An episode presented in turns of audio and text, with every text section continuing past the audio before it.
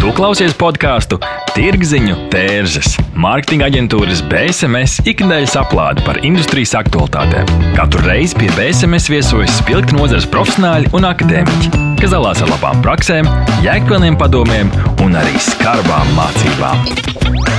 Aiziet! Šodien Tirziņu tērzes studijā Inta Buša un Denis Ševeļovs.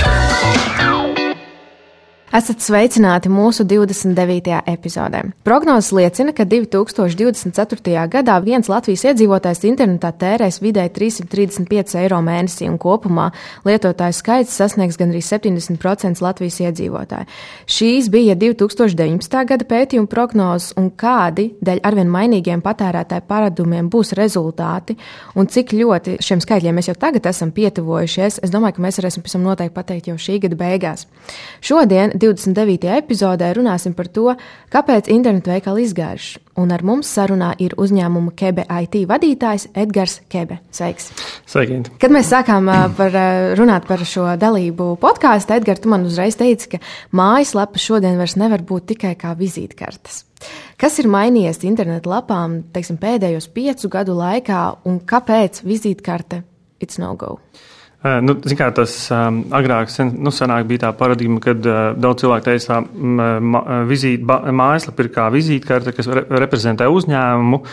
Uh, bet uh, mūsdienās tā mājaslapa vai internetu veikals ir daudz uh, dinamiskāks rīks, kas tiek integrēts dažādos kā, biznesa procesos. Uh, Un, eh, jo daudz jaunu rīku, kas ir dažādi e-pasta mārketinga, dažādas sistēmas, eh, CRM sistēmas, grāmatvedības sistēmas, noktuvas sistēmas, arī tas pats Google ir dažādi uzbūvējis dažādus rīkus.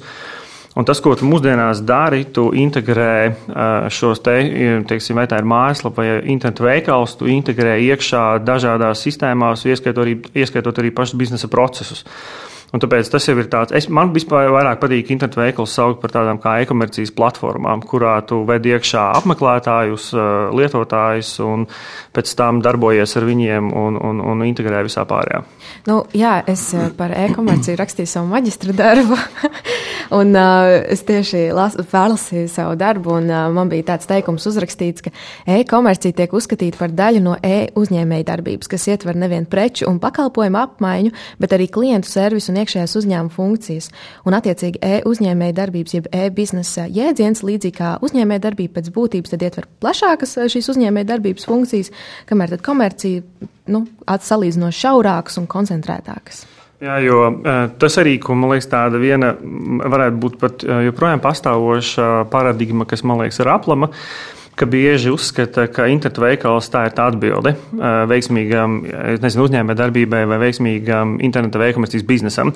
Bet pats tas internetu veikals, ko uzbūvē, aiziet uz kādas jebkuras platformas, kas pat, pat neko, neko nemaksā, vai, piemēram, tur ir 10, 20 eiro mēnesī, maksājot par abonēšanu tā ir tikai aizberga augšējā daļa, ko tu redzi, bet apakšā zem tā aizberga ir vesels kopums, un tā e-komercija tiešām veido ne tikai to publiski redzamo, bet biznesa procesu, visas tās sistēmas, loģistika, viss, viss, viss vesels tāds aktivitāšu kopums. Un, lai tas tiešām tas internetu veikals būtu veiksmīgs un, un, un izdevies, viņš ir jāņem vērā ļoti plašs konteksts un, un, un jāliek visā tajā kopējā bildē iekšā. Edgar, kāda ir uh, misconceptions, jeb uh, maldīgi priekšstāti mīti vispār par uh, e-komerciju un arī interneta veikaliem?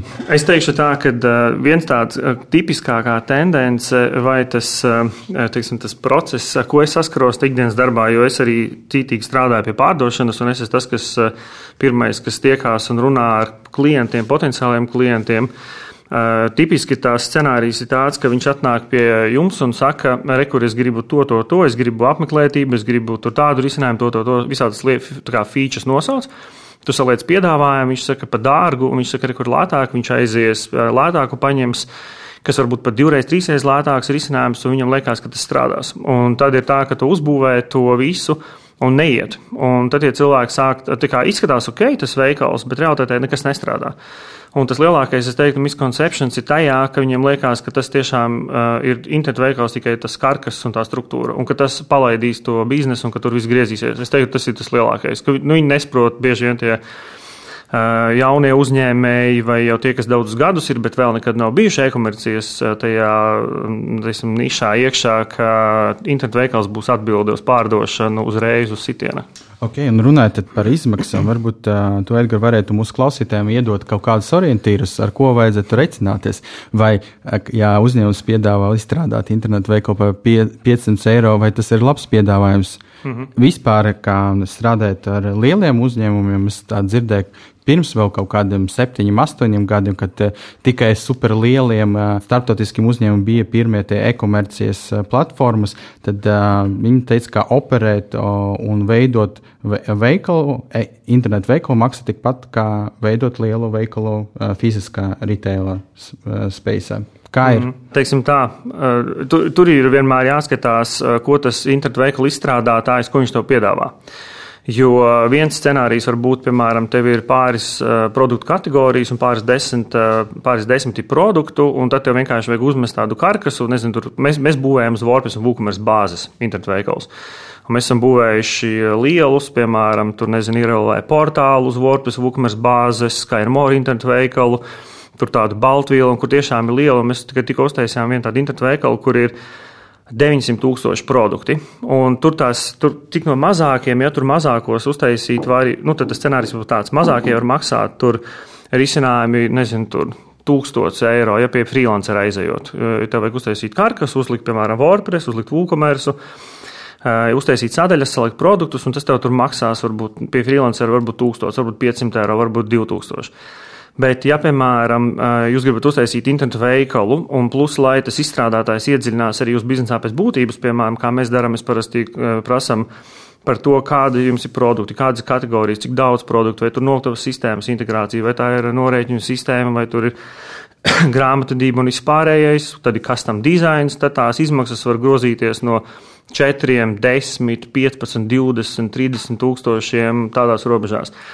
Bet klasiski jūs varat arī aiziet pēc tam Google ierakstīt jautājumu, cik maksā mājaslapas izveide. Un jūs atradīsiet mūsu rakstu garu, tādu, kas diezgan izklāsts detalizēti, tāda bāzes cena. Jūs tur sapratīsiet, kas tur notiek. Apmēram mēs esam diezgan detalizēti izklāstījuši to izmaksu, to, nu, to struktūru.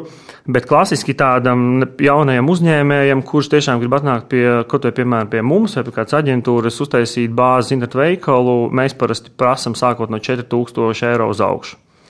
Bet, ja tur sāk kaut kādas features, lai klāta, tur ir 7, 8. Tā tas ir tāds klasiskais uh, cipars, kur tas maksā.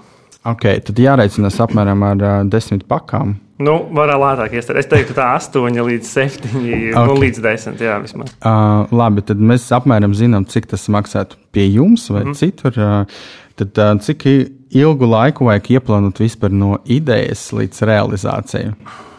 Viss ir atkarīgs no pieejas, bet. Uh, tur ir arī atkal div, divas daļas. Viens ir uztaisīt to visu, un otrs ir salikt iekšā preces, salikt iekšā produktus. Un, un ir internetu veikali, ko tur uztaisīt.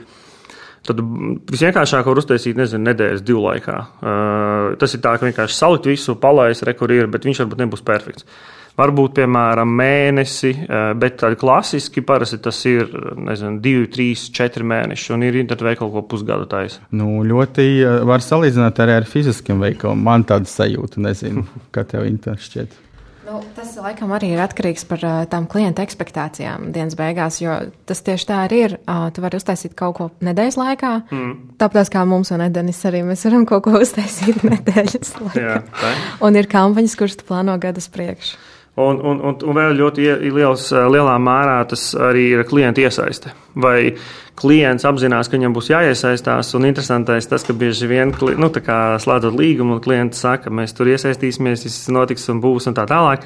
Bet realtātē tie svarīgie lēmumi par to vienu pikseli, ja, padzīt to pogu uz turieni, uz turieni tās krāsas, un tad tur klients domā, un tad pieņemsim dizainu, ko var uztaisīt mēnesī. Patiesībā uz lēmumu pieņemšanas procesu ievelk uz trim mēnešiem. Ja. Par šo gribas mazliet vairāk. Tad, tad, kā vispār sagatavoties mūsu klausītājiem, lai viņi varētu būt perfekts, ideāls jūsu pasūtītais nu, vai klients? Um, kādu mājas darbiņu vajadzētu izdarīt? Nu, es zinu, kā ir um, jautājums labs tikai. Es domāju, ka tā parastā situācija tāda, ka tas, kā mēs mēģinām pieiet, ka bieži klients atnāk pie mums nesagatavojas. Viņam vienkārši ir, ir situācija, teiksim, viņš grib to internetu veikalu, un tad mēs viņu vedam pie rokas cauri. Gal, jo mēs tad stāstam, uzdodam jautājumus, sākam struktūrēt, sakam, rekur, ok, tagad jums būs jāplāno produktu kategorijas, tagad rekur mēs zīmējam konceptu, tagad mēs runājam par to konceptu, tad mēs zīmējam dizainu. Tādēļ mūsu gadījumā klients var atnākt arī nesagatavojies. Ja mēs taisām tās intervijas, mēs tā no viņa downloadojam informāciju, kontekstu, visu to situāciju, un balstoties to, uz to mēs struktūrējam tos produktus, kategorijas, domājam par visu tādu. Tā kā, teiksim, varbūt klients arī nesagatavojies. Un, un, un, nu, jā, man, man nav tādu, jo mēs tiešām lielākā daļā gadījumu klienti atnāk, ir kādi, kas varbūt ir zinošāki, tas, kas palīdz, ja, ja klients, piemēram, izdomājas jau savas produktu kategorijas internetu veikalam, ko viņš gribēs, kādas būs sadaļas. Kaut vai ar papīru, uz papīra ieskicējis apmēram blokus, kādas viņš redz, uzrakstījis funkcionalitāti. Ja, tā kā tādas lietas, tas ir tas, un nebaidīties no tā, ka tu kaut ko neuzrakstīsi ideāli vai perfekti, vienkārši izliec uz papīra, ko tu saproti, kā to redz, un tas jau noteikti palīdzēs. Bet, Edgars, saka, kas ietekmē, kādi ir tie faktori, kas ietekmē un nosaka, vai tas internetu veikals būs vai nebūs veiksmīgs? Mm. Jo, nu, teiksim, tagad klients atnāk pie jums, viņš samaksā tos 10 tūkstošus, 8 tūkstošus tūkstoši vienalga.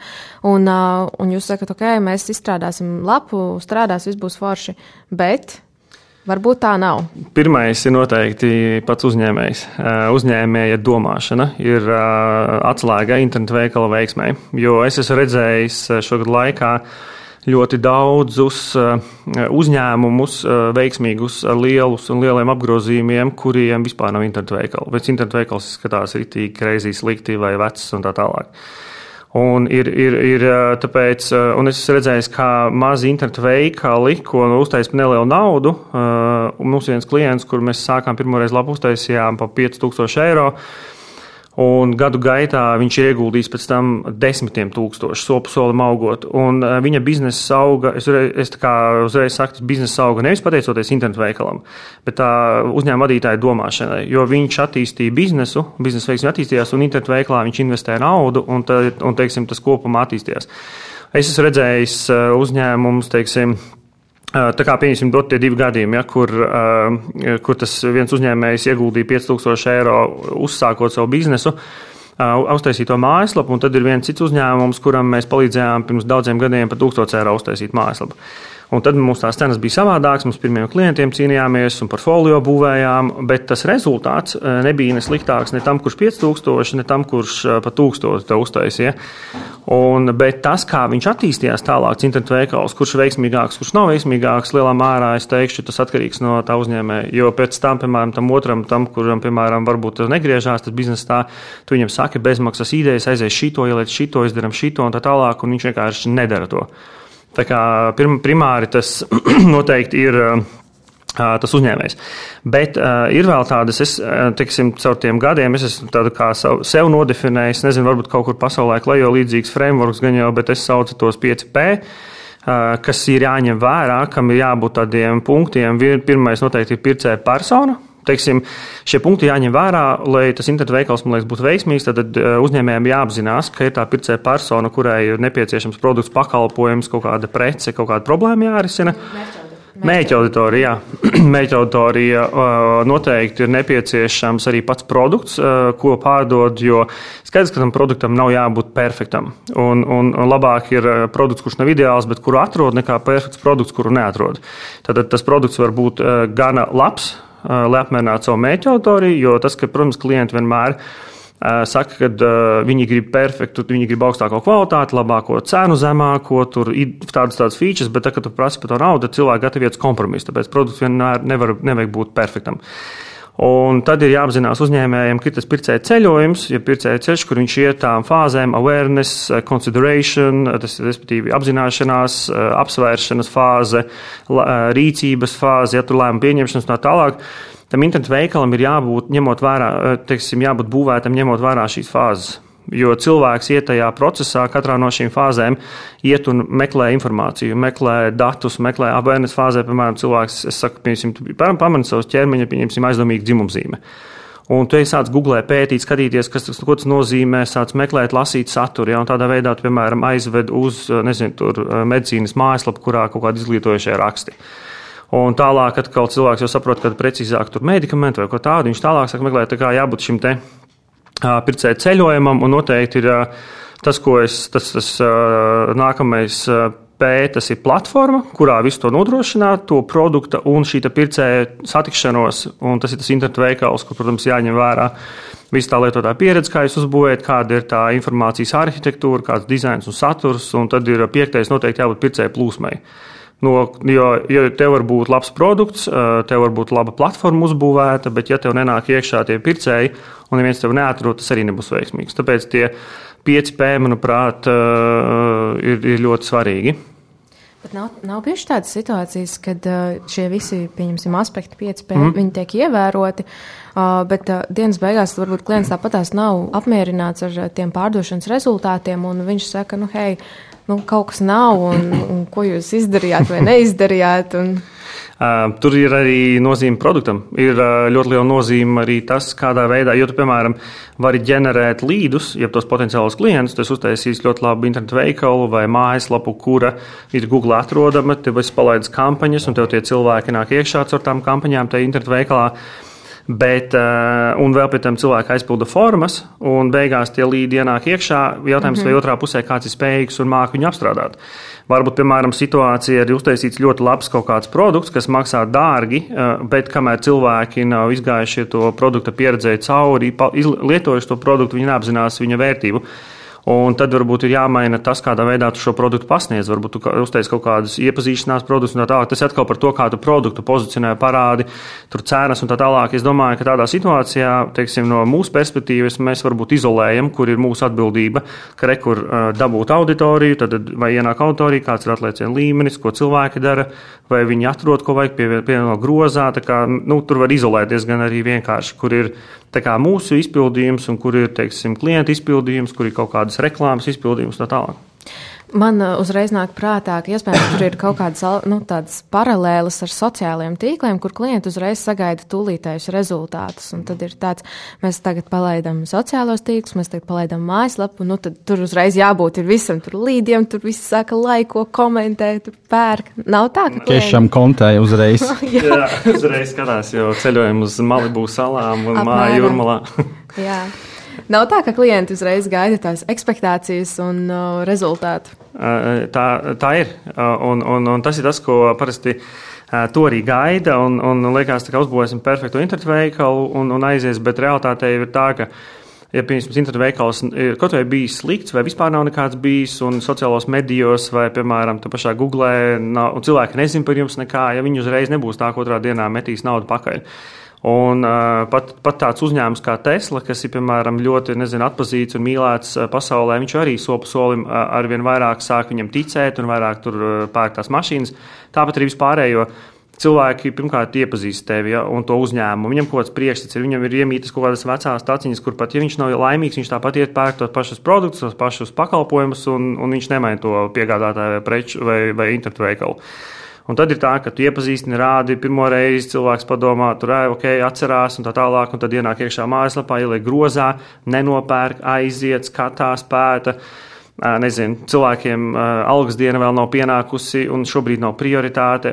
Tas ir tāda iesildīšana, iepazīstināšana, pārliecināšana, teiksim, tādas uzticības audzēšana. Tas ir uh, tas ir darbs, un, un, un tu pamazām audzē to otrā dienā nebūs drīzāk nekas tāds. Ok, tad man tāda veidojas sajūta, ka principā, ja ir veiksmīgs um, veik, uh, uzņēmums, kuram ir fiziski retail veikali, tad mm -hmm. viņam vajadzētu padomāt, kā viņu so pārdošanas visas taktikas varētu digitalizēt. Jā, jā, jā, jā. Jo pārdevēji arī varēs pateikt, ok, varbūt jūs varat ienākt tur pēc desmit datuma, es jums cipa atlikšu. Jā. Un tas pats, ko jūs tikko pieminējat, ka būs kaut kāds atgādinājums, e-pasta atnāks, hei, tavā, nezinu, tavā, tā wishlistā ir šādi pirkumi, un varbūt tev būs pie, atlaide kaut kāda. Es saņēmu ik pa, ik pa, ik pa laiku. Jā, jo, jo, jo tas, ka nu, jo reāli varbūt tāda tiešām tāda taktika, ja, ka, piemēram, mēs zinām, ka Latvijā lielākoties algu izmaksā no 1 līdz 10 datumam tajā posmā. Un tas ir tas laiks, kad tu vari kaut kādā veidā atgādināt, Bļaut. ka, jā, bļaut, ka rekur ir lieliska iespēja, lielisks piedāvājums. Un, un, un, un tā.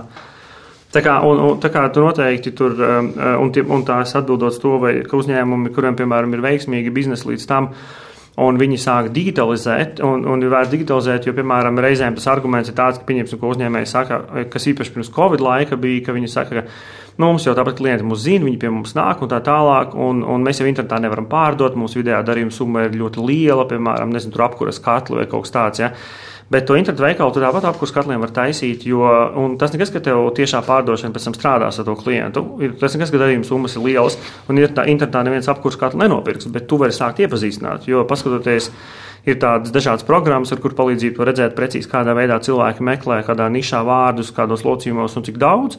Tur viņi redz, ka cilvēki meklē šos datus, meklē šos apkursu katlus, siltumsūkņus, meklē tur riepas, logus, visu, visu. Un pat ja viņi nepērk internetā, tas rīks var būt atbalstošais. Un, uh, mums bija arī labs, man liekas, tāds iedvesmojošs stāsts. Baltvilla uh, viesnīca, restorāns viņiem uz spākas ir Baltazarā. Mēs viņiem palaidām nesen kā arī tieši jauno mājaslapu, internetu veikalu, un uh, viņi bija tas gadījums, kad uh, nāca Covid laiks, un tieši pirms Covid mēs uh, teiksim, noslēdzām par sadarbību līgumu, sākām darbus, un nu, sākām būvēt to internetu veikalu, un pēkšņi Covid iesit, teiksim, visā, visā pa visu, teiksim, to nozari. Un viņi ir rīktīgi tādā nu, skarba situācijā. Restorāns, viesnīca, spā, kas principā vienkārši visu nu, nobremzē. Un viņi ļoti veiksmīgi saprata, ka viņiem jāpielāgojas. Un kamēr mēs vēl būvējām esošo, tagad to jauno risinājumu, tikmēr viņi pielāgoja, sakārtoja to, un viņi atrada to veidu, kādā veidā restorāns varēja sākt piegādāt ēdienu, piemēram, mājās, vai dažādus risinājumus sāk atrast. Nevis viņi teica to, ka viss ir slikti, mēs esam tur viesnīcu biznesu un tā tālāk, un viss ir slikti viņi sāka domāt un meklēt risinājumus, kādā veidā pārpakot produktu, kādā veidā piegādāt, kādā veidā atrisināt loģistikas tos jautājumus, un viņi tiešām pārvērta to par reālu e-komercijas biznesu. Jā, iepriekšējā gadā mēs, protams, varējām redzēt uh, milzīgu uzplaukumu ar internetu veikaliem dēļ Covid, un par šo laiku tad arī parunāsim pēc īsas pauzes. BSMS tas ir zīmola pārdošanas un mārketinga atbalsts, stratēģijas, satura un menedžmenta pieredze kopš 1999. gada. BSMS nodrošina radošas, tradicionālas un digitālās pārdošanas veicināšanas kampaņas un konsultācijas. Apmeklē mūsu mājaslapu www.bsms.lv un uzzini vairāk! Jā, saki, Edgars, mēs jau nedaudz pieskārāmies šim periodam iepriekšējā gadā. Kā vispār Covid laiks ir ietekmējis patērētāju uzvedību, kas ir mainījies, un vai arī paši uzņēmēji ir kļuvuši varbūt draudzīgāki un atvērtāki konceptam internetu veikals? Interesanti ar to viens par tiem uzņēmējiem, ka, kā jūs arī iepriekš nedaudz minējāt par to, ka ļoti daudz uzņēmumi, kuri agrāk teica par to, ka mūsu uh, biznesa nav internetā. Mūsu atrod cilvēks ar atsauksmēm, mūsu, uh, mūsu darījumi tur ir uh, noteikti klātienē un tā tālāk. Tā tālāk. Piemēram, viens uzņēmums, palešu ražotājs ja, Latvijā, kurš kuram visi klienti ir ārzemēs.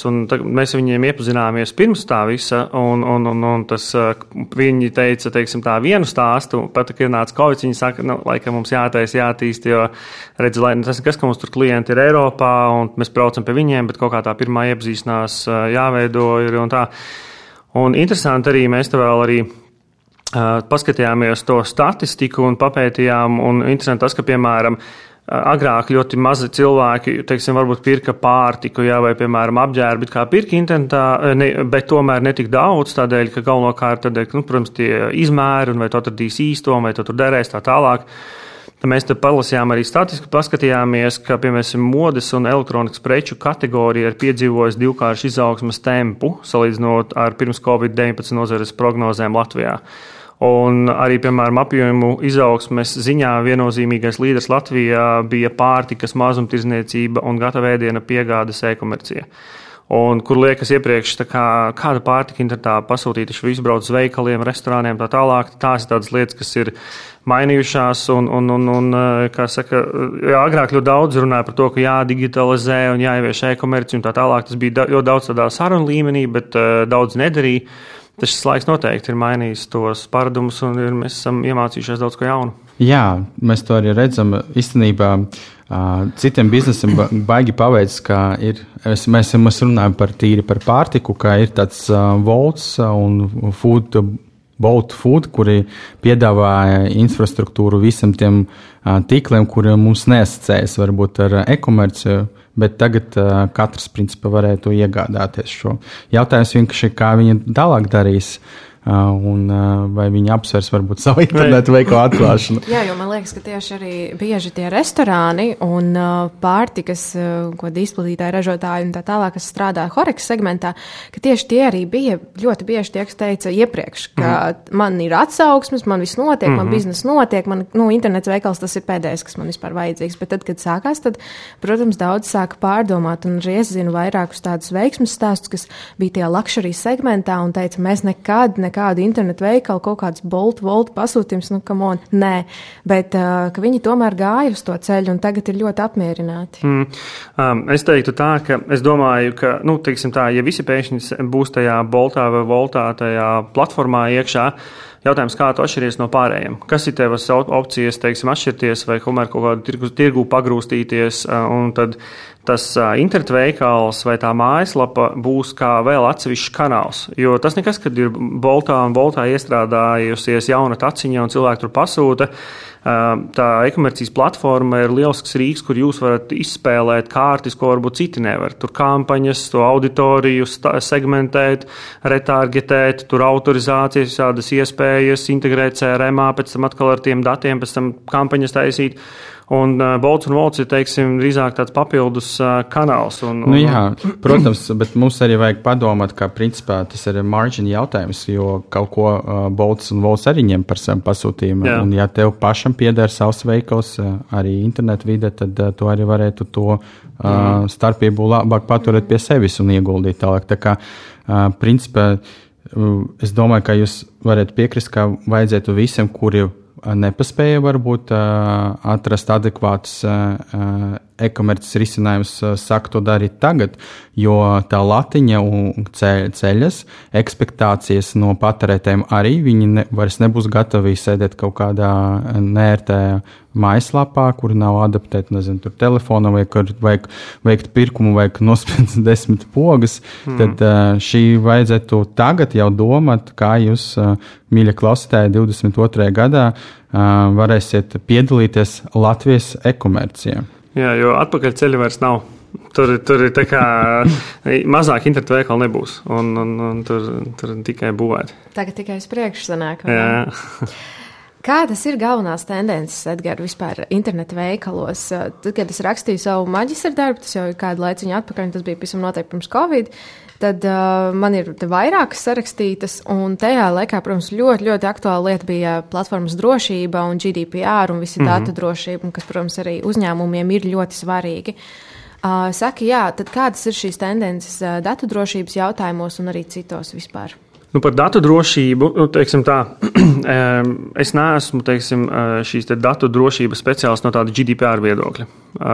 Tas, ka visi uzņēmumi šo jautājumu uzdod, un mēs vienmēr šos klientus teiksim, tā, forwardējam pie kaut kādiem partneriem, kas pēc tam šo datu drošības jautājumu kārto. Uh, piemēram, tie paši maksājuma sistēmas, nekad neviens neglabā datus tāpat uh, savā iekšējā platformā, bet izmanto, teiksim, trešās puses kaut kādus risinājumus. Tiem pašām banku kartēm nekad neviens neglabā. Lielākā daļa, ļoti iespējams, ir kaut kāda risinājuma, bet lielākā daļa vienmēr cenšas kaut kādus, teiksim, šādu te bankas kartes, maksājumu datus turēt pie tiem, kuri ir specializējušies tieši šajā te uh, drošības uh, jautājumā.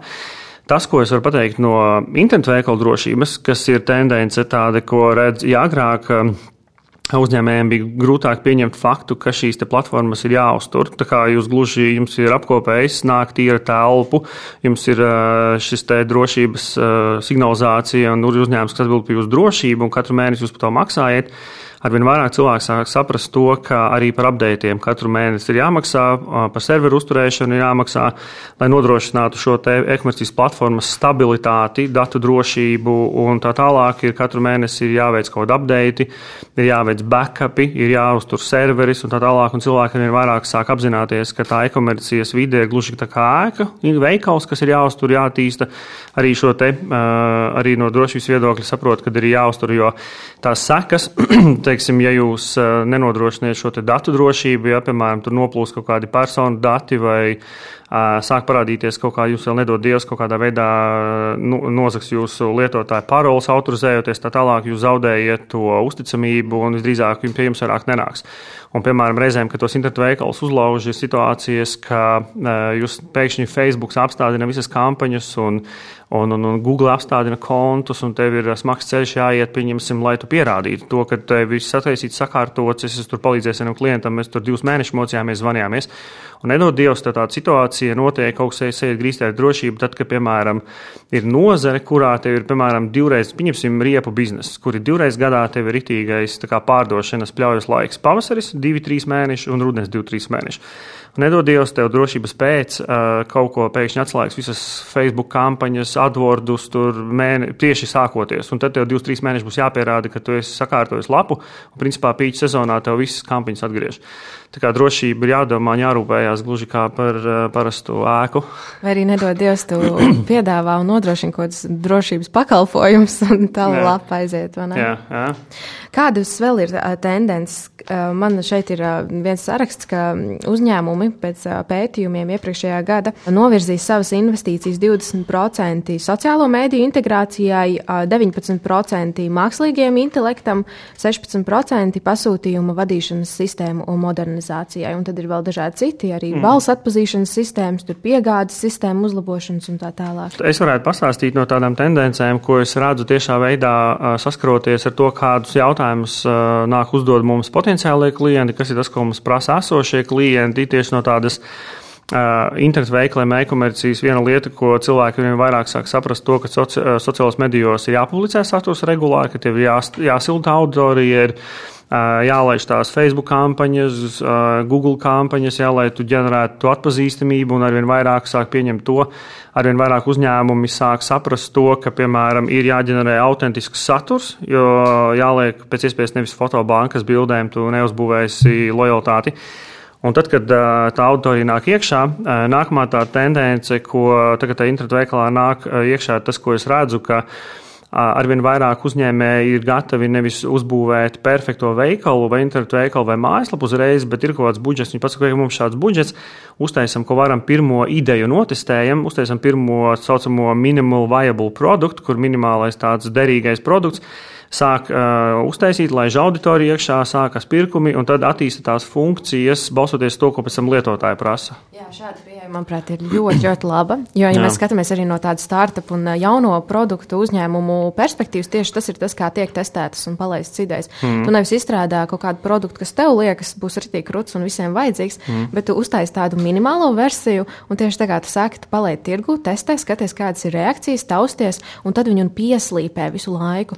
Jo kamēr arī nu, no tādas otras puses, kamēr tu taisi astoņas reizes labo savu perfekto produktu un slīpē, un pēc diviem gadiem palaid tirgu, tas konkurence jau ir adaptējis, uztaisījis tādu, kādu vajag mērķa auditorijai, un viss jau notiek. Jā, jo mums bija gadījums, mēs taisījām vienam uzņēmumam, Norvēģijā uztaisījām tādu grāmatības uzņēmumam lapu, kurā cilvēks aizpilda datus, viņš var nopirkt uzņēmumus, pieredzēt uzņēmumus un, un uzģenerēt dokumentus, parakstu, uploadu atpakaļ. Un tad, kad mēs viņu taisījām, uzņēmuma vadītājs mums sarakstīja ļoti daudz vēlmes un dažādas sarežģītas, un mēs tur ritīgi izcīnījāmies, uztaisījām ritīgi foršu visu. Bet tad, kad palaiž, tie cilvēki lieto varbūt 20% no tā visa, ko uzņē, tam uzņēmuma vadītājiem gribējās, likās vajag. Un, un, un, bet atkal ir, mēs redzam, vai vairāk tos gadījumus, tiešām, ka palaiž, jo uh, bieži vien uzņēmēji neapzinās to sarežģītību tam projektiem, to darba uzdevumu, viņu cik daudz iesaist, labāk kā noidentificēt to minimumu, un jums arī vairāk nauda paliek reklāmai un mārketingam, jo uh, nav vērts, teiksim, uzbūvēt kaut ko par 20, 30 tūkstoši, un vairāk nav tev ko reklamēt, drīzāk uztaisīt, nezinu, pa 5, 10 tūkstoši, un tad atstāja naudu reklāmai un dzentu auditoriju iekšā. Un tad vēl tāda viena tendence, ko es tikai nu, nedaudz pieskāršos, ka augot internetu veikalam, augot apmeklētībai, augot tirzniecībai, arvien vairāk sāk internetu veikalu integrēt iekšā dažādos uh, risinājumos. Uh, vai tur e-pasta platformas, tur MaiLigents, MailChimps, tādi risinājumi, CRM sistēmas, ja tur sāk vairāk tos datus saistīt iekšā grāmatvedībās, apmaiņas ar noliktavām, tā kā tāda integrācija un procesa automatizācija, tā ir diezgan tāda um, tipiska tendence, kas arvien vairāk parādās. Man uh, liekas, ka šīs atziņas ir ļoti svarīgas, un ja mēs tā lēnām arī finišējam mūsu sarunu, Edgars, kādi būtu tavi galvenie ieteikumi uh, izstrādājot uh, internetu lapu tā, lai viņa neizgāstos? Mm. Nu, pirmais, ko es noteikti gribētu teiksim, ieteikt, ir noteikti pirmais ir svarīgi apņemšanās būt iesaistītam. Tas ir pirmais have. Commitment. Commitment, jā. Commitment ir tā kā saka, kad ir commitments, tad ir radošums un tad izdomā idejas, jo tas process uzreiz pasaku nebūs vienkāršs. Palaist tā, lai tur sanāk, jo darbiņš būs jāieliek. Un lai nav tā, ka, piemēram, pie pirmām neveiksmēm, kas visdrīzāk būs, nesanāks tev kaut kādas expectācijas par to, kā lietas strādās, un realitātē nestrādā. Un, un, un tā. Tad pirmais ir apņemšanās, kad okay, mēs uzbūvējam pirmo kaut kādu iedzīgo produktu, palaižam un tad sākam testēt un skatāmies, ka rekur būs. Pieslēdzam rīkus atbilstošus, ja, piemēram, to pašu Google Analytics, Google Search konsole, Tas pats hodžārs, ja, kas ieraksta, ko cilvēki dara lapā, kā uzvedās. Un tad šajā procesā tad to visu saslēdz, tu vāc datus iekšā, definē, protams, arī šos savus KPIs, ko tu mērīsi, uztaisīt internetu veikalu, un tas sāc vilkt iekšā to auditoriju. Sateiks kampaņas, kurās tu, jo o, Google organika būs ilgtermiņa spēle, ātrais risinājums Facebook reklāma, Google reklāma un tādas lietas, un velc to auditoriju iekšā un sāc testēt. Un skaties, kas tur ir, un galvenais arī man liekas, kas, kā es parasti skatos lietām, ja man nestrādā kaut kas, tad es drīzāk uzdodu jautājumu, ka tas problēma nav tajā, ka, piemēram, vai tur, nezinu, lietotāji negrib, vai lietotāji paradumi ir lietotājiem, neko tu nevar pārdot. Drīzāk, ok, kā man jāpārformē produkts, kā man ir varbūt cenu piedāvājums jāsteidz savādāk, varbūt kaut kā kaut kādu uzlabojumu jātaisa. Tā es teiktu, tā, ka apņemšanās, uztaisiet minimālo kaut kādu sakarīgo produktu, iedzīgo, un taisiet vēl, ka tiekš auditoriju, testējiet un soli pa solim uzlabojiet, attīstiet tas, eh, teiksim, tā, eh, tas bišķiņa āķis vai tas, kas attur no šādas pieejas, īpaši no tā eh, minimal viable produkta, ir tas, ka tas ir dārgāks ceļš. Jo no sākuma it kā tev pirmais solis ir lētāks, bet uh, soli pa solim gada griezumā tev nāksies bišķiņ vairāk ieguldīt, bet toties tu taisīsi iedzīgas atbilstošas tās uh, funkcijas, kuras tiešām lietotājiem vajag un kuras uh, tajā brīdī jums arī pašiem aktuāls. Un noteikti, ja jūs internetu veikalu taisīsiet pie mums, visdrīzāk tas arī uh, palīdzēs uh, veiksmīgi viņu sasniegt. Tas tā starp citu. Lieliski. Paldies, liels, Edgars, tev, ka ciemojies pie mums. Paldies, ka uzaicinājāt. Un uh, mūsu klausītāji, tad cerams, ka jūs uh, saņēmāt visas atbildes uz jautājumu, kādēļ internetu veikali izgājuši un varēsiet no tā visa veiksmīgi izvairīties. Un tas varbūt, ko es piebildīšu, ja jūs gribat teiksim, vairāk iemācīties arī par tiem pašiem internetu veikaliem, tas ir tas, ko vienkārši piesakojiet mūsu Facebook, KBT lapai. Jo mēs regulāri taisām gan laivus, gan, gan dažādus postiņus. Un, kā jūs gribat vairāk iemācīties par internetu veikaliem, noteikti apstieties mūsu noderēs. Paldies, Edgars! Šodien mēs runājām 29. epizodē, kādēļ internetu veikali izgāžas, un ar mums ciemos bija Edgars Kebe no uzņēmuma Kebe IT. Paldies, ka klausījāties BSMS podkāstu Tirziņu tērzes. Aplādi ar labām praktiskām, jēgpilniem padomiem un skarbām mācībām. Patika epizode? Dalies sociālajos medijos, ir idejas tēmām vai viesiem? Raksti mums! Tās bija Tirziņu tērzes. Tiekamies nākamnedēļ!